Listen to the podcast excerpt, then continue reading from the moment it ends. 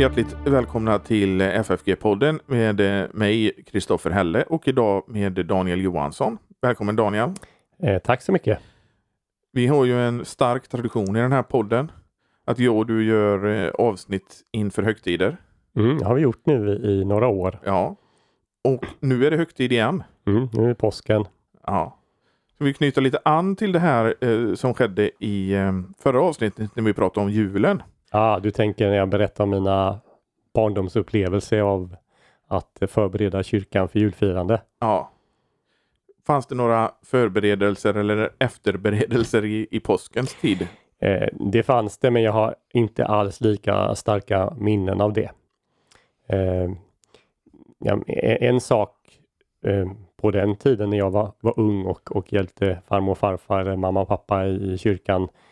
Eh, det var väl det här att man efter skärtorsdagskvällens nattvardsfirande fick göra i ordning för långfredagen. Eh, I många kyrkor så gör man ju i ordning i själva eh, den gudstjänsten. Man avslutar med att plocka bort altaret, eh, dukar och, och, och ljus och annat sånt från altaret. Men det var ju sånt vi fick göra efteråt för då skulle man förbereda och så skulle man hänga upp de, de, eh, de svarta antipendierna till exempel.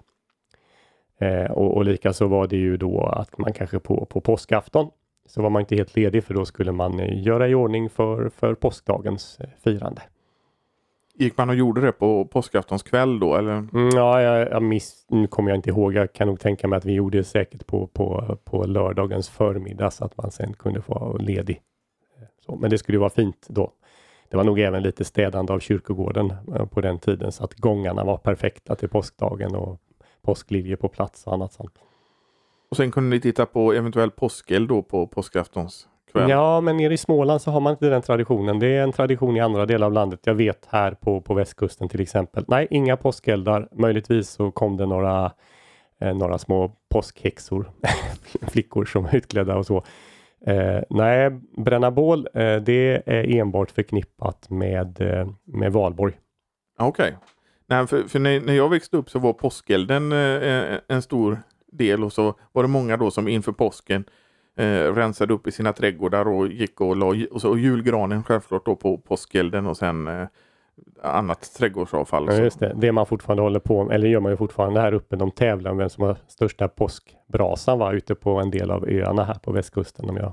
ja, så var det, så var det i, i Borås innan också. Det kunde ju vara ganska så brutalt. Mm. 50-60-talet.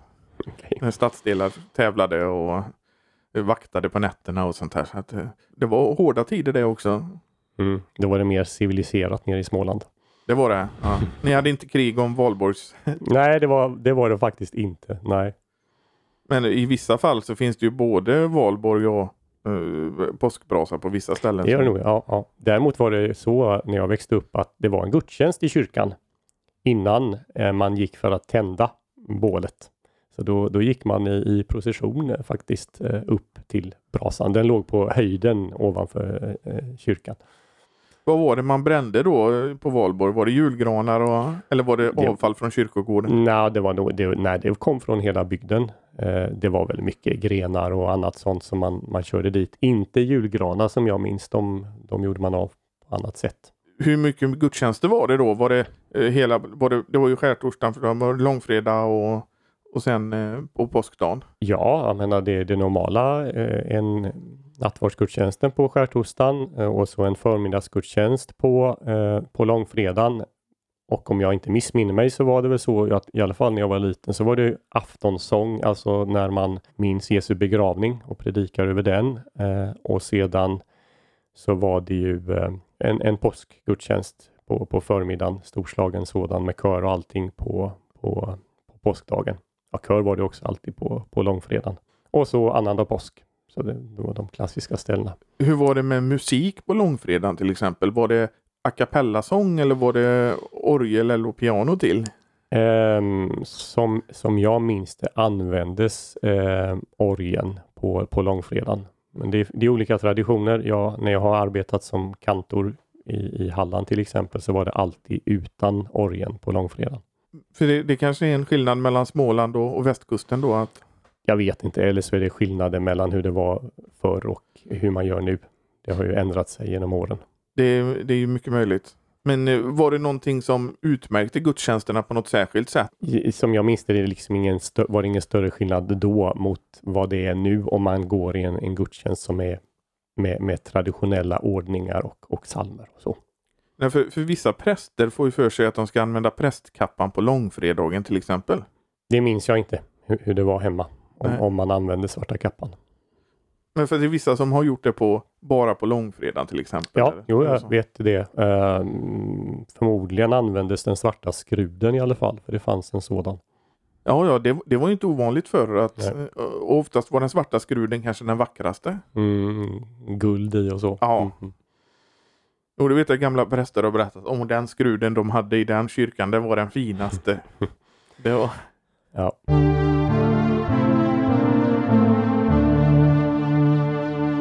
Ska vi gå vidare till en annan sak som är viktig under påsk och som man förknippar påsken med så är det måltid. ja, det är det.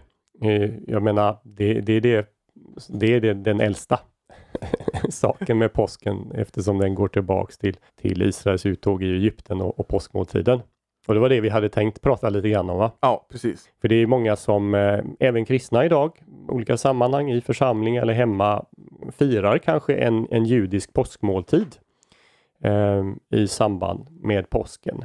Eller man, man låter, eh, med någon konfirmandgrupp så kanske man, man gör det för att man ska få liksom en känsla av hur det var när Jesus instiftade nattvarden.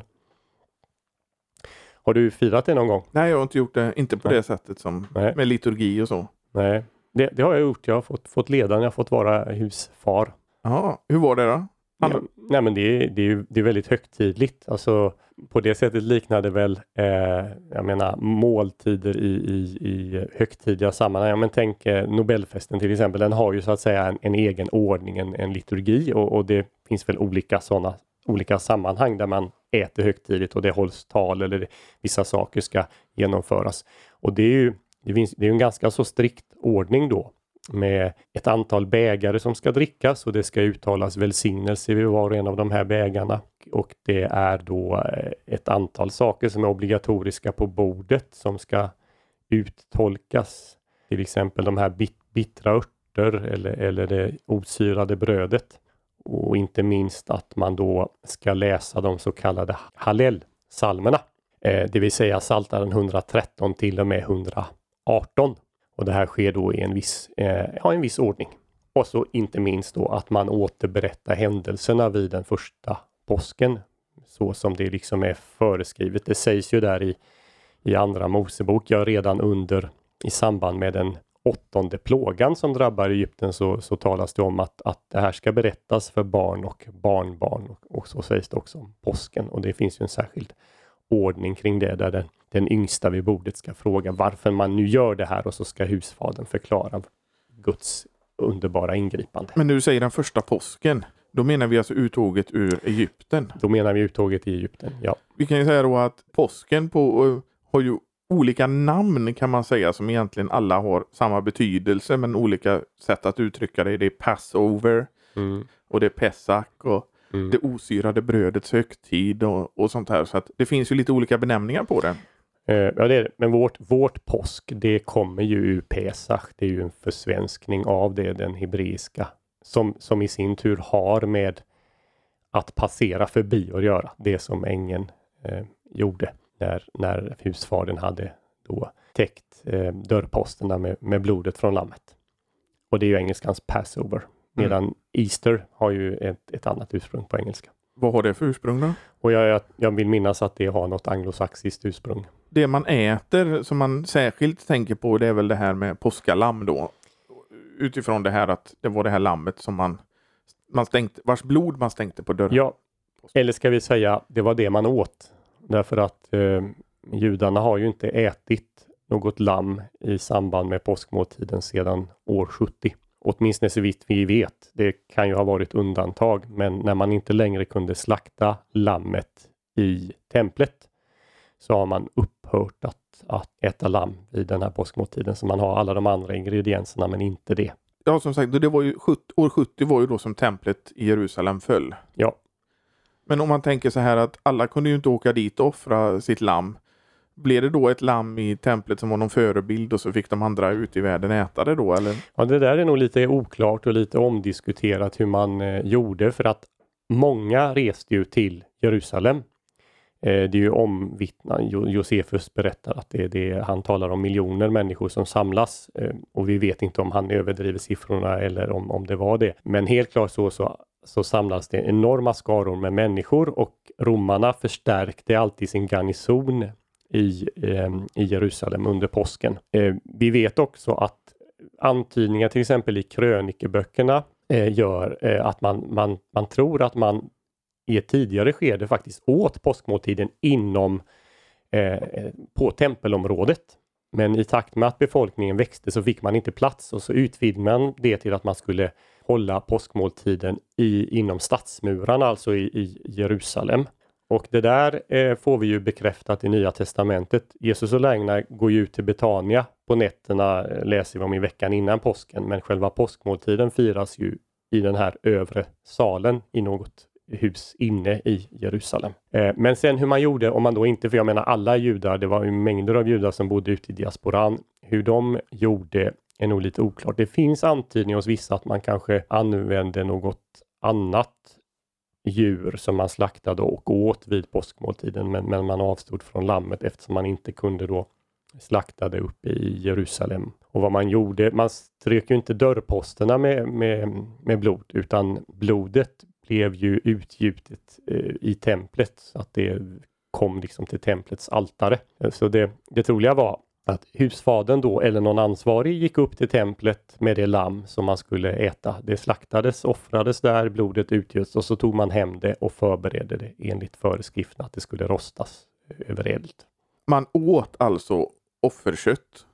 Ja. Det var, det var inte alltid så självklart. Eh, ja, det var, alltså om du tittar på offerlagarna i tredje Mosebok så är det ju ganska många av offermåltiderna som, som äts. Alltså vi, vi har ju heloffer, alltså där hela brännoffer där allt bränns upp. En del av offren ska, ska då prästerna äta av eh, och en del äts också av, av den som offrar gemenskapsoffer och så. Så att, så att det är väl inget eh, eh, ovanligt egentligen. Men man kan ju fundera på det, ja men var det ett offermåltid från början, alltså det, det här som instiftas den första påsken för det, det, är ju inget, det är inget som, det står ju inte där att något ska offras egentligen. Däremot så, så liksom eh, slaktas lammet på ett sådant sätt att blodet uttöms på det sättet som man alltid slaktade och det stryks på dörrposterna, men inte på något altare. Så, så när man läser Gamla Testamentet och sen eh, läser vidare i, i senare i Gamla, eh, man, man ska säga, man läser i Andra Mosebok och sen senare instruktioner och, och, och sen uppgifterna om, om hur man gick tillväga vid Jesu tid eller så, så, så uppstår ju en del frågor. Vad, som, vad har hänt egentligen? Och, och, det är ju flera som har funderat på det. Eh, det här var någonting man funderade på under reformationstiden. Eh, för man, hur skulle man få ihop det som sägs då eh, hur påsken ska genomföras i Andra Mosebok med hur påsken tycks eh, firas vid Jesu tid? Eh, det funderade Luther på, det funderade Chemnitz på på 1500-talet och de hade lite olika lösningsförslag. Eh, och vilket kan jämföras med vad vi då tror oss veta idag utifrån andra judiska källor. Det är mycket man tror sig veta som man inte vet och man föreställer sig saker som nästan till sig självklara eh, men som inte är det egentligen. Mm. Och, och, och, frågan som man ställde sig inför då var ju i, ehm, I andra Mosebok talas om att man ska stå upprätt och äta det här och man ska vara omgjorda, det vill säga man ska vara beredd att genast bege sig iväg. Men i evangelierna berättas ju hur Jesus och lärjungarna ligger till bots. De intar liksom den mest bekväma av alla måltidspositioner och, och där spelar ju också vinbägaren en roll. Den nämns ju av, av Matteus och Markus och Lukas. Han nämner till och med två olika bägare som dricks. Det står ju ingenting om att dricka vin då i, i Andra Mosebok. Så hur skulle de få ihop det här? Ja, Luthers förslag var faktiskt att, att Jesus och lärjungarna de firade en påskmåltid först eh, enligt konstens alla regler. Men när den var över så, instift, så, så då så instiftade Jesus nattvarden i en ny måltid. Chemnitz han har eh, en, eh, en, annan lösning på det hela men som liknar den. Han, han, menar också att man på Jesu tid måste, man måste ha gjort som man gjorde under uttåget, det vill säga man stod upp först, åt själva påskmåltiden. Sen fortsatte man med en annan måltid där man låg till bords eftersom det uttryckligen sägs att de ligger till bords. Och när den måltiden var över, då instiftade Jesus nattvarden. Nu tror de flesta utifrån de här judiska ordningarna för påskmåltidens firande att Jesus instiftade nattvarden under själva påskmåltiden. Men vi, om man tänker, många av oss människor idag, vi kanske föreställer oss att det såg ut ungefär som da Vincis målning av nattvarden till exempel. Ja, men där sitter de ju. Där sitter de. ja. eh, men det är ju uttryckligen så att de ligger till bords. Eh, det sägs och, och det var ju när det var fest och högtid och glädje, då låg man till bords. Nu tror en del eh, bibelforskare då, eller his, judiska historiker också, att, att, att måltiden såg ut som den tycks göra vid Jesu tid. Och det är framförallt evangelierna som är vår källa. Vi ska tala de synoptiska? Ja, de synoptiska. Eh, vi ska tala mer om, om, om, den judiska ordningen strax, men så, så tror man att det kanske var så att man blev påverkad av det, det grekis, den grekiska symposiet, måltiden, när man då låg, för att då, det var liksom högtid, man låg till bords och åt gemenskap och samtidigt under det symposiet så utbytte man tankar och hade samtal. Och, och, det var ju förelagt det i den judiska påskfirandet att man skulle ha samtal, man skulle tala om varför man gör det här. Eh, så många tror att, att det här blev det ett möte mellan det här, det, det fina sättet att fira måltid som man då lärde sig under grekisk inflytande med ordningarna från Gamla testamentet. Och det förklarar till exempel då varför man, varför man ligger ner. Men innehållet är ju ett annat. Man, man samtalar ju om, om Guds stora gärningar med, med folket. Men när du säger man samtalar, var det ett fritt samtal, ett som symposium eh, säger vi här, eller var det en sån här noga eh, utredd, eller vad ska man säga, noga liturgi så som eh, ja, vi kommer komma in på? Ja, och, och, det är det som är svårigheten nu. Vi vet inte, vi vet inte hur den såg ut vid Jesu tid exakt. Eh, och, eh, men om vi följer hur, eh, om man nu firar en, en, en judisk sedermåltid som det heter idag, så följer den ganska så strikta ordningar, åtminstone i vissa delar under själva det som är huvudmåltiden när man så att säga, sitter och äter utan att man tar upp de här sakerna som är väldigt symboliska och ska uttolkas. Så, så förs det ju naturligtvis fria samtal. Men, men i själva påskhaggadan, där, där kommer de här frågorna och svaren kring vad som skedde vid uttåget och varför det skedde. och så. För det är ju en noga strukturerad liturgi ja. med frågor och svar nästan ja. Eh, likt katekesen eller någonting sånt där. Lite så är det faktiskt. I, i, i, ska vi säga då, förutom då vid själva huvudmåltiden när man sitter och äter, då får man väl språka fritt. Och det finns inga tecken på att det skulle vara att låt maten tysta mun så att säga. Att man inte, fick. inte jag vad jag vet, det, det, väl en, det framställs ju på olika sätt att det ska vara en glädjemåltid. Eh, det ska det vara när det gäller det här, vad hände och, och så. Det, det finns i, i en, en, judisk skrift som heter Jubileerboken eh, som har tillkommit sådär omkring 200 före Kristus cirka. Och den är i, i ett återberättande av eh, Bibelns första böcker. Och eh, där i så kommer det faktiskt fram en liten kommentar kring det här med att ja, men vi firar inte den här måltiden i hast nu utan nu är det mer lugnt och, och, och det är en glädjemåltid och så vidare. Ja, och då, då, då kommer som förklaring att, att den instruktion vi finner i Andra Mosebok, den gällde bara då vid uttåget. Men när väl uttåget har skett så firar man det eh, på ett nytt sätt. Och den kommer ju då kanske 200 år före Kristus. Så det, det förklarar varför måltiden tycks se annorlunda ut när Jesus instiftar nattvarden än det vi läser om i Andra Mosebok. Och därmed faller ju förmodligen då alltså Martin Luthers och Martin Chemnitz förklaring att man skulle ha firat det identiskt med uttåget först och sen så övergick det en annan måltid. Nej, förmodligen så har måltidsfirandet förändrats genom tiden. Och något som tydligt har tillkommit är ju då att man ska att man dricker de här vin bägarna under måltiden, närmare bestämt fyra stycken. Ja, det, var, det är fyra stycken. Har, har det någon betydelse de här fyra? Alltså de, de uttolkas ju på, på olika sätt, det gör de, men varför det är fyra, det vet jag inte om vi har någon förklaring på. Dessutom är det, finns det olika varianter där det finns en femte bägare som, som ska ägnas åt Elias. Man väntar ju på Elias återkomst. Han ska ju komma och upprätta allt innan Herrens stora dag kommer. Ehm, och det finns ytterligare lite, lite varianter. Om man hade fyra bägare i Jesu tid, ja, det vet vi inte med säkerhet, men Lukas talar i alla fall om för oss att det var två olika bägare eftersom han nämner två bägare. Och det tar en del, eftersom han nämner det så tar en del det till som bevis för att det var kanske ändå det där med fyra bägare går tillbaka till Jesu tid. Men Lukas nämner två bägare. Om jag minns rätt så är det vissa som menar att han, en bägare var när de hade måltiden och en bägare var när han instiftade nattvarden. Ja, men alltså då, då räknar man med att en av de bägarna, en av de fyra under måltiden, och det här är lite omdiskuterat vilken det ska vara, är den han använder när han instiftar nattvarden. Alltså han, i så fall gör Jesus något inom ra, en, en bestämd ram som alla känner till, så gör han något radikalt nytt när han säger att, att ta denna bägare, detta är det nya förbundet i mitt blod. Och, och han gör också något radikalt nytt när han säger att, att eh, dela det här brödet mellan er och, och, eh, och, och säga att det, det, är min kropp som blir utgiven. Sen är det ju inte alltid så tydligt vad de här bägarna betyder. Det finns ju olika tolkningar i olika sammanhang och liturgier. Ja, jag, jag har sett olika namn på de olika bägarna i, i någon ordning så var nog den som, som jag använt där. Där kallas den första för livets bägare.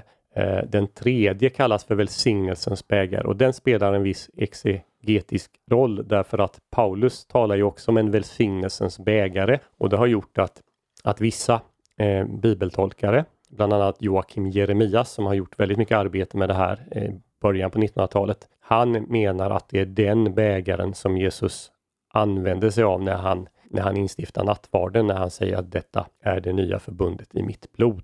Men, men som sagt, det, det, det, det är ändå rätt os, stor osäkerhet kring hur det såg ut på, på Jesu tid. Därför att det är först när vi kommer fram till 200-talet som Mishna eh, skrivs ner och, och, där har vi ett avsnitt som handlar om, om påsken. Och i avsnittet om påsken så finns det den, ett, ett tionde kapitel eller avdelning eh, som antyder en del av de här liturgiska ordningarna, men vi har ingen fullständig ordning så som den vi har idag. Jag tror att den tidigaste man kan datera en sån här omfattande ordning med alla inslagen, den här seden då som det heter som betyder ordning, då är vi framme på medeltiden, kanske 900 efter Kristus, 1000 efter Kristus. Så hur det har sett, exakt hur det har sett ut innan, det kan vi inte med, med säkerhet avgöra. Och det, det, är faktiskt lite omdiskuterat också. Men om vi tittar på den här liturgin som finns nu och den som du har gjort så, så är det ju olika roller man ska spela. Ja. Kan, man kan uttrycka det så kanske? Ja, eller så. Jag menar det, olika upp det, det, är en som är så att säga som är husfadern, vilket i regel är husfadern. Ungefär som att du har en värd vid en måltid. Det är den som, som leder det hela. Eh, och, och, den andra rollen är väl den att normalt sett ska det vara den yngste som ställer frågorna. I övrigt så, så deltar folk vid, eh, vid måltiden. Sen kan det finnas detaljer i när man gör i ordning och vem som tänder ljusen. Jag tror normalt sett så är det modern i huset som ska tända, tända ljusen till exempel. Men eh, hur, det är alltså då patriarken som man ska uttrycka det då i det här? Ja, det är husfadern, ja, fadern i familjen. Och det ställs då ett antal frågor? Ja. Och det, till exempel en fråga är väl det här att varför firar vi denna måltid? Ja, varför är denna natt olik alla andra nätter och, och så vidare. Och så kommer svaren på vad Herren gjorde vid uttåget ur Egypten. Precis, det är uttåget ur Egypten som det som svar, alla frågors svar är. Ja det, ja, det kan man ju säga. Jag menar, det är frågan varför äter vi bittra örter den här kvällen? Var, varför äter vi osyrat bröd istället för syrat bröd? Och, då, då kommer ju det som svar på de frågorna. För du har ju lärt mig att det finns vissa fasta frågor, till exempel eh, i undervisningen så sa du att all, alla rätta svar är Jesus förutom i grekiskan, där är rätt svar particip. Här är väl eh, då möjligtvis att det är eh, eh, eh, är uttåget i Egypten som är svaret eller vad Herren gjorde där. Men, men eh, några frågor som, som då baseras på Andra Mosebok eh, kapitel 13 är det här liksom, alla andra kvällar kan vi äta syrat och osyrat bröd men bara den här kvällen så är det så är det osyrat bröd. Alla andra kvällar äter vi många slags grönsaker. Ikväll så är det bittra örter. Andra kvällar doppar vi inte överhuvudtaget. Denna kväll doppar vi två gånger. Andra kvällar kan vi Eh, äta antingen sittande eller liggande men denna kväll bara liggande den typen av, av frågor kommer och sen så reciterar man att vi var slavar hos farao i Egypten men Herren vår Gud befria oss med stark hand och utsträckt arm. Formuleringar som vi hittar eh, i Andra Mosebok och i, i Femte Mosebok. Och sen mycket av liturgin är också ett tack och pris och, och välsignelse till, till Herren för de underbara gärningar som han har gjort. Du säger bittra örter. Jag har sett eh, till exempel som exempel är pepparrot. Mm, det föreslår det ska vara så bittert så att, att man liksom tåras när man, eh, ja. när man äter det. säger, säger en del i alla fall. Det som eh, spelar en, en viktig roll här när man diskuterar här då mer exegetiskt och i förhållande till Jesu instiftelse av nattvarden, det är ju det osyrade brödet och hur man, eh, hur man eh, talar om det. Alltså det har en väldigt framträdande plats i, i måltiden. Särskilt nu när det inte heller finns något påskalamm eh, i måltiden. Så det är det osyrade brödet som har en speciell exegetisk betydelse? Ja, men det, det kan det ha eh, i alla fall. För, för det finns då i, eh, i en ordning som ofta som används idag men som man inte kan härleda ända tillbaks till Jesu tid. Den, den kan väl härledas kanske till 400-talet eller någonting. Det betyder inte att den inte fanns tidigare men, men vi har bevis för den. den. Den säger då att man ska säga när man, man lyfter eh, brödet i början på måltiden då, det osyrade, så ska man eh, säga detta är bedrövelsens bröd som våra fäder åt i Egyptens land. Den som är hungrig må komma och äta, den som är nödställd må komma och ta del i påskmåltiden. Och det här tar en del exegeter som, som eh, en, en bakgrund till Jesu ord när han säger att detta är min kropp. Och så menar man att på samma sätt som man ut, symboliskt uttolkar det här brödet nu som bedrövelsens bröd som våra fäder åt, eh, så ska man förstå nattvarden, eller att Jesus gör samma sak, men istället för att det är denna bedrövelsens bröd, så är det hans eh, kropp. Och så menar man sig då ha belägg för en, en mer symbolisk nattvardsförståelse, därför att det kan ju omöjligt ha varit det brödet som man åt när man eh, gick ut ur Egypten. Det måste ju, men, men det symboliserar det brödet. Eh, så till exempel gör eh, den, den kände exegeten Bruce det här i en bok som heter The Hard Sayings of Jesus, eh, Jesus alltså svåra Jesusord. Mm, så tar han det som en, den här, han tar fram den här bakgrunden som, som en förklaring till det hela. Nu finns det flera problem med det och, och, ett första problem är faktiskt att när man säger att detta bröd är, är detta bedrövelsens bröd så behöver inte det betyda någonting mer än att, att detta är samma typ av bröd som vi åt då, nämligen ett osyrat bröd. Och det gjorde man på grund av de omständigheterna som, som rådde. Dessutom så framställs det här eh, som, ska vi säga, bedrövelsens bröd, något negativt. Men när Rabbi Gamaliel tala om hur man ska uttolka det här så framställs det snarare som, som något positivt bröd. Han nämner att det är tre saker som man ska uttolka vid den här måltiden och då är det bland annat brödet. Eh, och det visar att här, här finns det liksom två olika uttolkningar egentligen och därför är det väldigt svårt att, att eh, hävda det Bruce gör, nämligen att, att detta, är mot, detta är bakgrunden mot vilken vi ska förstå Jesu instiftelseord till nattvarden. Och det, det, det, riktigt stora problemet är att vi har ingen aning om man, man faktiskt hade den typen av förklaringar vid Jesu tid eftersom som de, de liturgier som, där de, de är nedskrivna eller vi börjar ana hur den kan se ut, de är nedskrivna då först omkring år 200. Och den som vi nu firar, om vi använder den som judarna firar idag med olika varianter, den kan då som helhet beläggas först kanske ja, fram på medeltiden, 900 000. Och, och, och det här är egentligen ett stort problem i studiet av Nya Testamentet och, och, och kristendomens historia och, och judendomens historia. Nämligen hur eh, säkert vi kan veta att det som rabbinerna då eh, säger och som skrivs ner i Mishna om det är saker som går tillbaka till Jesu tid. För det har hänt en eller flera viktiga saker däremellan. Nämligen den ohörda saken att, att templet försvann. Och när man då inte längre kunde offra lammet så måste vi ställa oss frågan hur kom det att påverka måltiden? Utvecklade man nya saker i måltiden när man inte längre kunde äta lamm? Betyder det att brödet till exempel fick en mer framträdande plats än det hade haft innan? Så därför tycker jag, och, och det är en god exegetisk regel, att man ska vara väldigt försiktig när man inte har tydliga belägg för det. Sen, för de tidigaste beläggen för att måltiden såg ut på något sätt som, som, som vi har nedskrivit sen, det är ju från Nya Testamentet och vad evangelierna säger. Där finns antydningar. Jeremias han räknar upp 14 saker som han menar där det finns en tydlig likhet mellan det senare nedskrivna av sedemåltiden och det som beskrivs i våra eh, evangelier. Men det är väl väldigt mycket som är mänskliga tankar som smyger sig in och, och sådana saker man tar för givet egentligen? Ja, mänskliga tankar, alltså, alltså det här handlar ju om, om, om kontext, alltså vilken är rätt bakgrund att förstå det Jesus mm. gör emot. Och problemet är när man inför saker som vi med säk och, och, och de blir avgörande nycklar i tolkningen. När vi inte alls med någon säkerhet kan veta att det fanns med i bakgrunden. Men det man kan säga är att om du sa att brödet antagligen fick en större roll. Det kan man väl säga att om någonting försvinner så är det ju någonting som tar dess plats. Ja, det är åtminstone logiskt att tänka så, men det kan vi inte heller veta med säkerhet. Nej. Det, så att, jag, jag, jag tänker, när, om, om man nu firar en sedemåltid och så tänker man det var precis så här eh, den här eh, firades på Jesu tid. så, så måste vi utfärda en viss varning, eller, eller varning, men, men försiktighet. Vi kan inte med säkerhet veta det. Vi, vi vet inte exakt hur judarna firade det på den tiden och det är lite omstritt.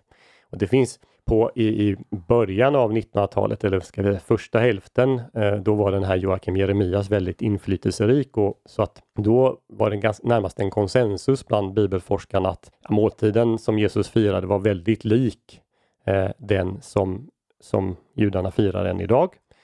Därefter så har man omvärderat det en hel del och inte minst judiska forskare menar att det har nog hänt ganska mycket efter det och det finns till och med de, det är ganska radikalt, men de menar att, att den judiska måltid som vi nu firar idag, den har är egentligen resultatet av en motreaktion emot den, den kristna. Eh, och, Inte omöjligt. Ja. Och det, det, är svårt att veta. Eh, det finns som jag, jag, nämnde det här antydning i jubileeboken till exempel.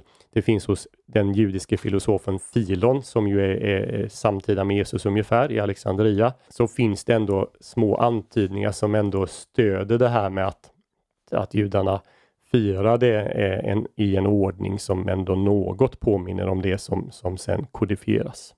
Men, men som sagt, eh, en, en viss försiktighet och en viss försiktighet också när man liksom lyfter fram det som en avgörande eh, bakgrund då för att, att eh, tolka till exempel instiftelseorden. Men det måste ju vara så att allting förändras med tid. Det är ju ingenting eh, sånt traditionellt som liksom är kvar hela det, det kan man ju bara titta tillbaka till, till när vi var yngre hur saker och ting har förändrats. Jo, det, det, det har, och, och, och, det är ju så att sedemåltiden har ju förändrats något också och, och idag finns det massa olika sedemåltider. Eh, jag, jag, läste någonstans om att det, det, fanns, det fanns till och med interreligiösa sedemåltider och eh, social justice mm. så, som fokuserar mycket starkare på det. Det finns liksom ett, ett särskilt fokus på den fattige, vilket också antyds i våra evangelier. Ni vet när, när Judas försvinner ut så tror ju lärjungarna att han kanske Eh, Eh, ska köpa något åt de fattiga. Ja, det här är för övrigt en av parallellerna som Jeremias tar upp. Eh, och eh, någon, någon Imoj eh, sedemåltid eh, noterar en feminist sedemåltid ja, det var, där man då dricker en, en sjätte bägare till Miriams minne. tror jag. Ehm, så det sker förändringar, men samtidigt måste vi säga det att när det gäller en sån här oerhört central sak som i, i Israels tro som, som påskmåltiden ändå är. Ni vet, hela, alltså Gamla testamentet går ständigt tillbaka till uttåget. Eh, så kanske vi snarare har anledning att tro att man var ändå ganska konservativ. Alltså mycket är eh, detsamma. Men, men nog det här med att det ändå finns likheter mellan det grekiska symposiet och, och påskmåltiden som den blir sen och som tycks antydas i evangelierna. Det är ett exempel på att, att att influenser från samtiden påverkar firandet, men det centrala är hela tiden kvar. Men det grekiska måste ju ha haft ett tydligt inflytande redan innan Jesu tid med tanke på eh, Alexander den stores erövringar. Ja, ja men det, det, tror man ju då att det har hänt i och med att, att det, helleniseringen då pågår och, och det, det, gör den ju efter 300-330 då eh, även, i, eh, även i Jerusalem och, och Judeen och det är på, på den vägen. Sen ska vi också komma ihåg att många judar levde ju redan då ute i diasporan och man var inte opåverkad av, av seder och bruk. Det, samtidigt som man var väldigt mycket, man var ju väldigt medveten om, om vilka man var och vem man trodde på och tog avstånd ifrån avgudadyrkan och så. Men det som det som eh, inte förknippades med det eller det som kunde anses vara rent och så, det kunde man ju inta och, och an, eller anta och använda sig av. Men det ser vi ju också till exempel i, i eh, Paulus brev att han möter på judar och så frågar han, är de döpta? Ja, det är med Johannes dop, så det fanns ju lite o, olika eh, och informationen gick ju inte ut eh, så snabbt som den gör idag. Nej, men ändå förvånansvärt snabbt ja, på den tiden. Jämfört med hur det sen blev under medeltiden så gick det ju långsammare. Men det var ju folk borta i Efesus som då hade blivit döpta med, med Johannesdopet. Och, eh. Så det fanns ändå liksom att det, det, det, kom ändå information om vad som skedde och hur. Oh ja. ja. Jag menar informationen gick ändå ganska fort och det kan vi ju ana när vi läser Paulus brev till exempel och kristna reste mycket eller det fanns folk som reste mycket som var kristna jag ska vända på det. Ja, det var väl så. Mm. Eh, men även att det fanns judar eh, runt om i trakterna. Må ja, i, i hela, hela liksom eh, det romerska imperiet eh, så fanns det små, eh, ibland väldigt små grupper av judar, men, men de fanns i stort sett överallt. Och det är ju, om man nu lägger en karta på över var, var de fanns och var kristendomen får sina tidiga centra och utbredning och så, så, så sammanfaller det nästan hundraprocentigt. Man börjar, det är där missionen börjar, precis som Paulus. Han går till synagogan först och, och så är det några som tar emot ordet och så, så samlas det en grupp kristna som, som bildar en församling. Och det, det är väl samma sak som man ser i Rom, hur kristendomen såg som en judisk sekt. Ja, och, och det gör den ju eh, rätt så länge. Eh, och eh, sen så kommer det väl så småningom, och det kan vi ana redan inom Nya Testamentet, i Hebreerbrevet till exempel, att, att man börjar förstå skillnaden. Och en del har ju talat då, tidigare talar man ofta om att, att det kom en väldigt skarp skiljelinje mellan judendom, eller ska vi säga judar som inte trodde på Jesus som Messias och de som trodde på honom och tillsammans med hedningarna då.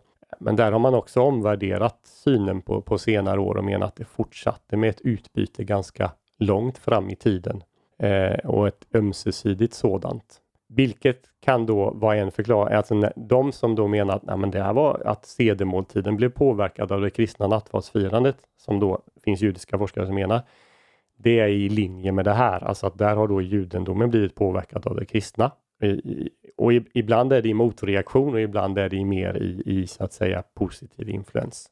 Att det skulle vara mer ömsesidigt. Så en motreaktion kan ju också vara att man betonar vissa saker som eh, visar var man inte är överens. Ja, till exempel. ja, men det kan också betyda att man, man upptar element eh, också från varandra i positiv mening.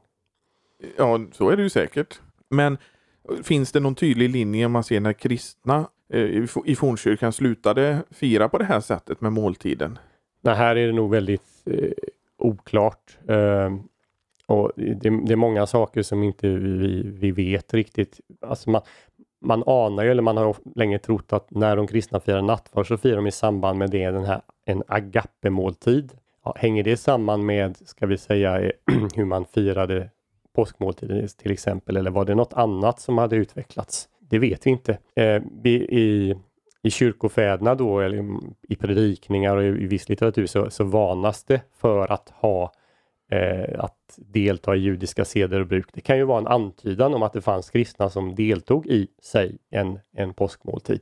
Nej, för jag tänkte, vi tar, om vi går eh, till Paulus brev här och i första, när vi ser på nattvarden så är första Korintierbrevet ett uh, tydligt ställe. Där kan man ju säga att i Korint så förekom det ju nog någon form av måltidsgemenskap som inte alltid var så sund enligt Paulus. Mm -hmm. Kan det ja. ha eh, liksom, spår av den här judiska? Ja, det, det, vet jag inte. Det är, väl, det är ju första Korinthierbrevet framförallt man, kan, man, man brukar utläsa det här att, att det fanns någon ag, eh, så kallad agape-måltid. Eh, att nattvardsfiran var en del i en större kristen måltid. Men eh, många saker är faktiskt, tycker jag, väldigt, väldigt osäkra där. Vi, vi har väl man kan ju vända på det och säga tack vare att korintierna inte var så fullkomliga i, i, när de firade Herrens måltid så vet vi mycket mer om, om nattvarden än vi hade vetat om de inte hade varit det och att Paulus hade varit tvungen att gå till rätta med dem och eh, undervisa om nattvarden. Och det här är ju också ett tecken på hur Gud använder något som inte är korrekt till någon till välsignelse. Ja, det får man säga. man säga. Särskilt när, när vi har kommit, eller på 1700-talet kom till en tid med mycket kritisk forskning och sådär. Om, om bara vi hade haft instiftelse av nattvarden i evangelierna så hade säkert massa forskare ifrågasatt att de kristna firar nattvard överhuvudtaget i början. Men det kan man inte nu för det vi, första Korinthierbrevet visar att man gjorde det. Ja, ja, det är ett tydligt, tydligt exempel. Ja. Men det som Paulus också talar om där, det är ju det här skiljandet av brödet och vinet som, har, som gör eh, det till det kristna så att säga. Ja, det är ju det. Och, och det, det, kan väl vara, det måste vara en huvudpoäng här, oavsett om vi tänker nu att den sedemåltid som firas idag i, i hög grad går tillbaka. Det, det var nästan identiskt eh, med på Jesu tid med, med hur det firas idag. Så, så måste vi ändå påpeka att Jesus han gör något helt unikt och radikalt i den måltiden och det, det påpekar inte minst då Joakim Jeremias eh, när han försöker rekonstruera vad som hände. Och det nya är ju vad då Jesus gör med brödet och vinet.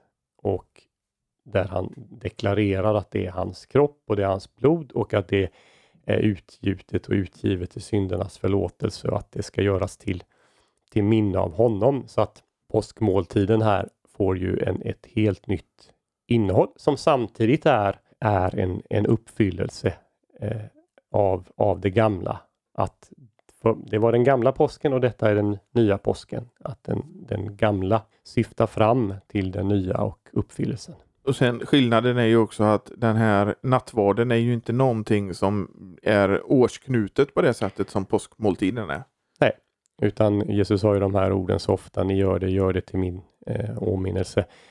Så ofta betyder nu inte ofta utan så ofta betyder det, det är lite gammal svenska. Det betyder att, att varje gång ni gör det. Men redan i de orden antyds ju en, en ett mycket större frekvens än, än en gång om året nyare översättningar tror jag sa var gång ni gör det. Ja, det, det är vad grekiska ordet betyder. Så det är... Hosakis. Det är ju skillnaden så, så att säga. Även fast vi nu i påsk på de flesta ställen skulle jag säga ändå firar nattvard på skärtorsdagen. Ja, det, det görs det.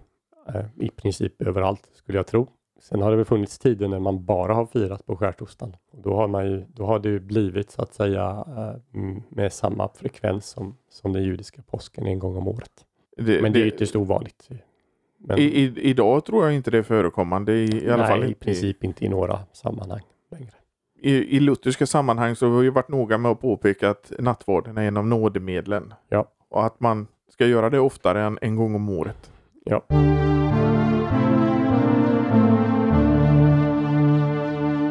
Daniel, det återstår ju bara för oss att önska våra lyssnare en, ska vi säga, en välsignad påsk.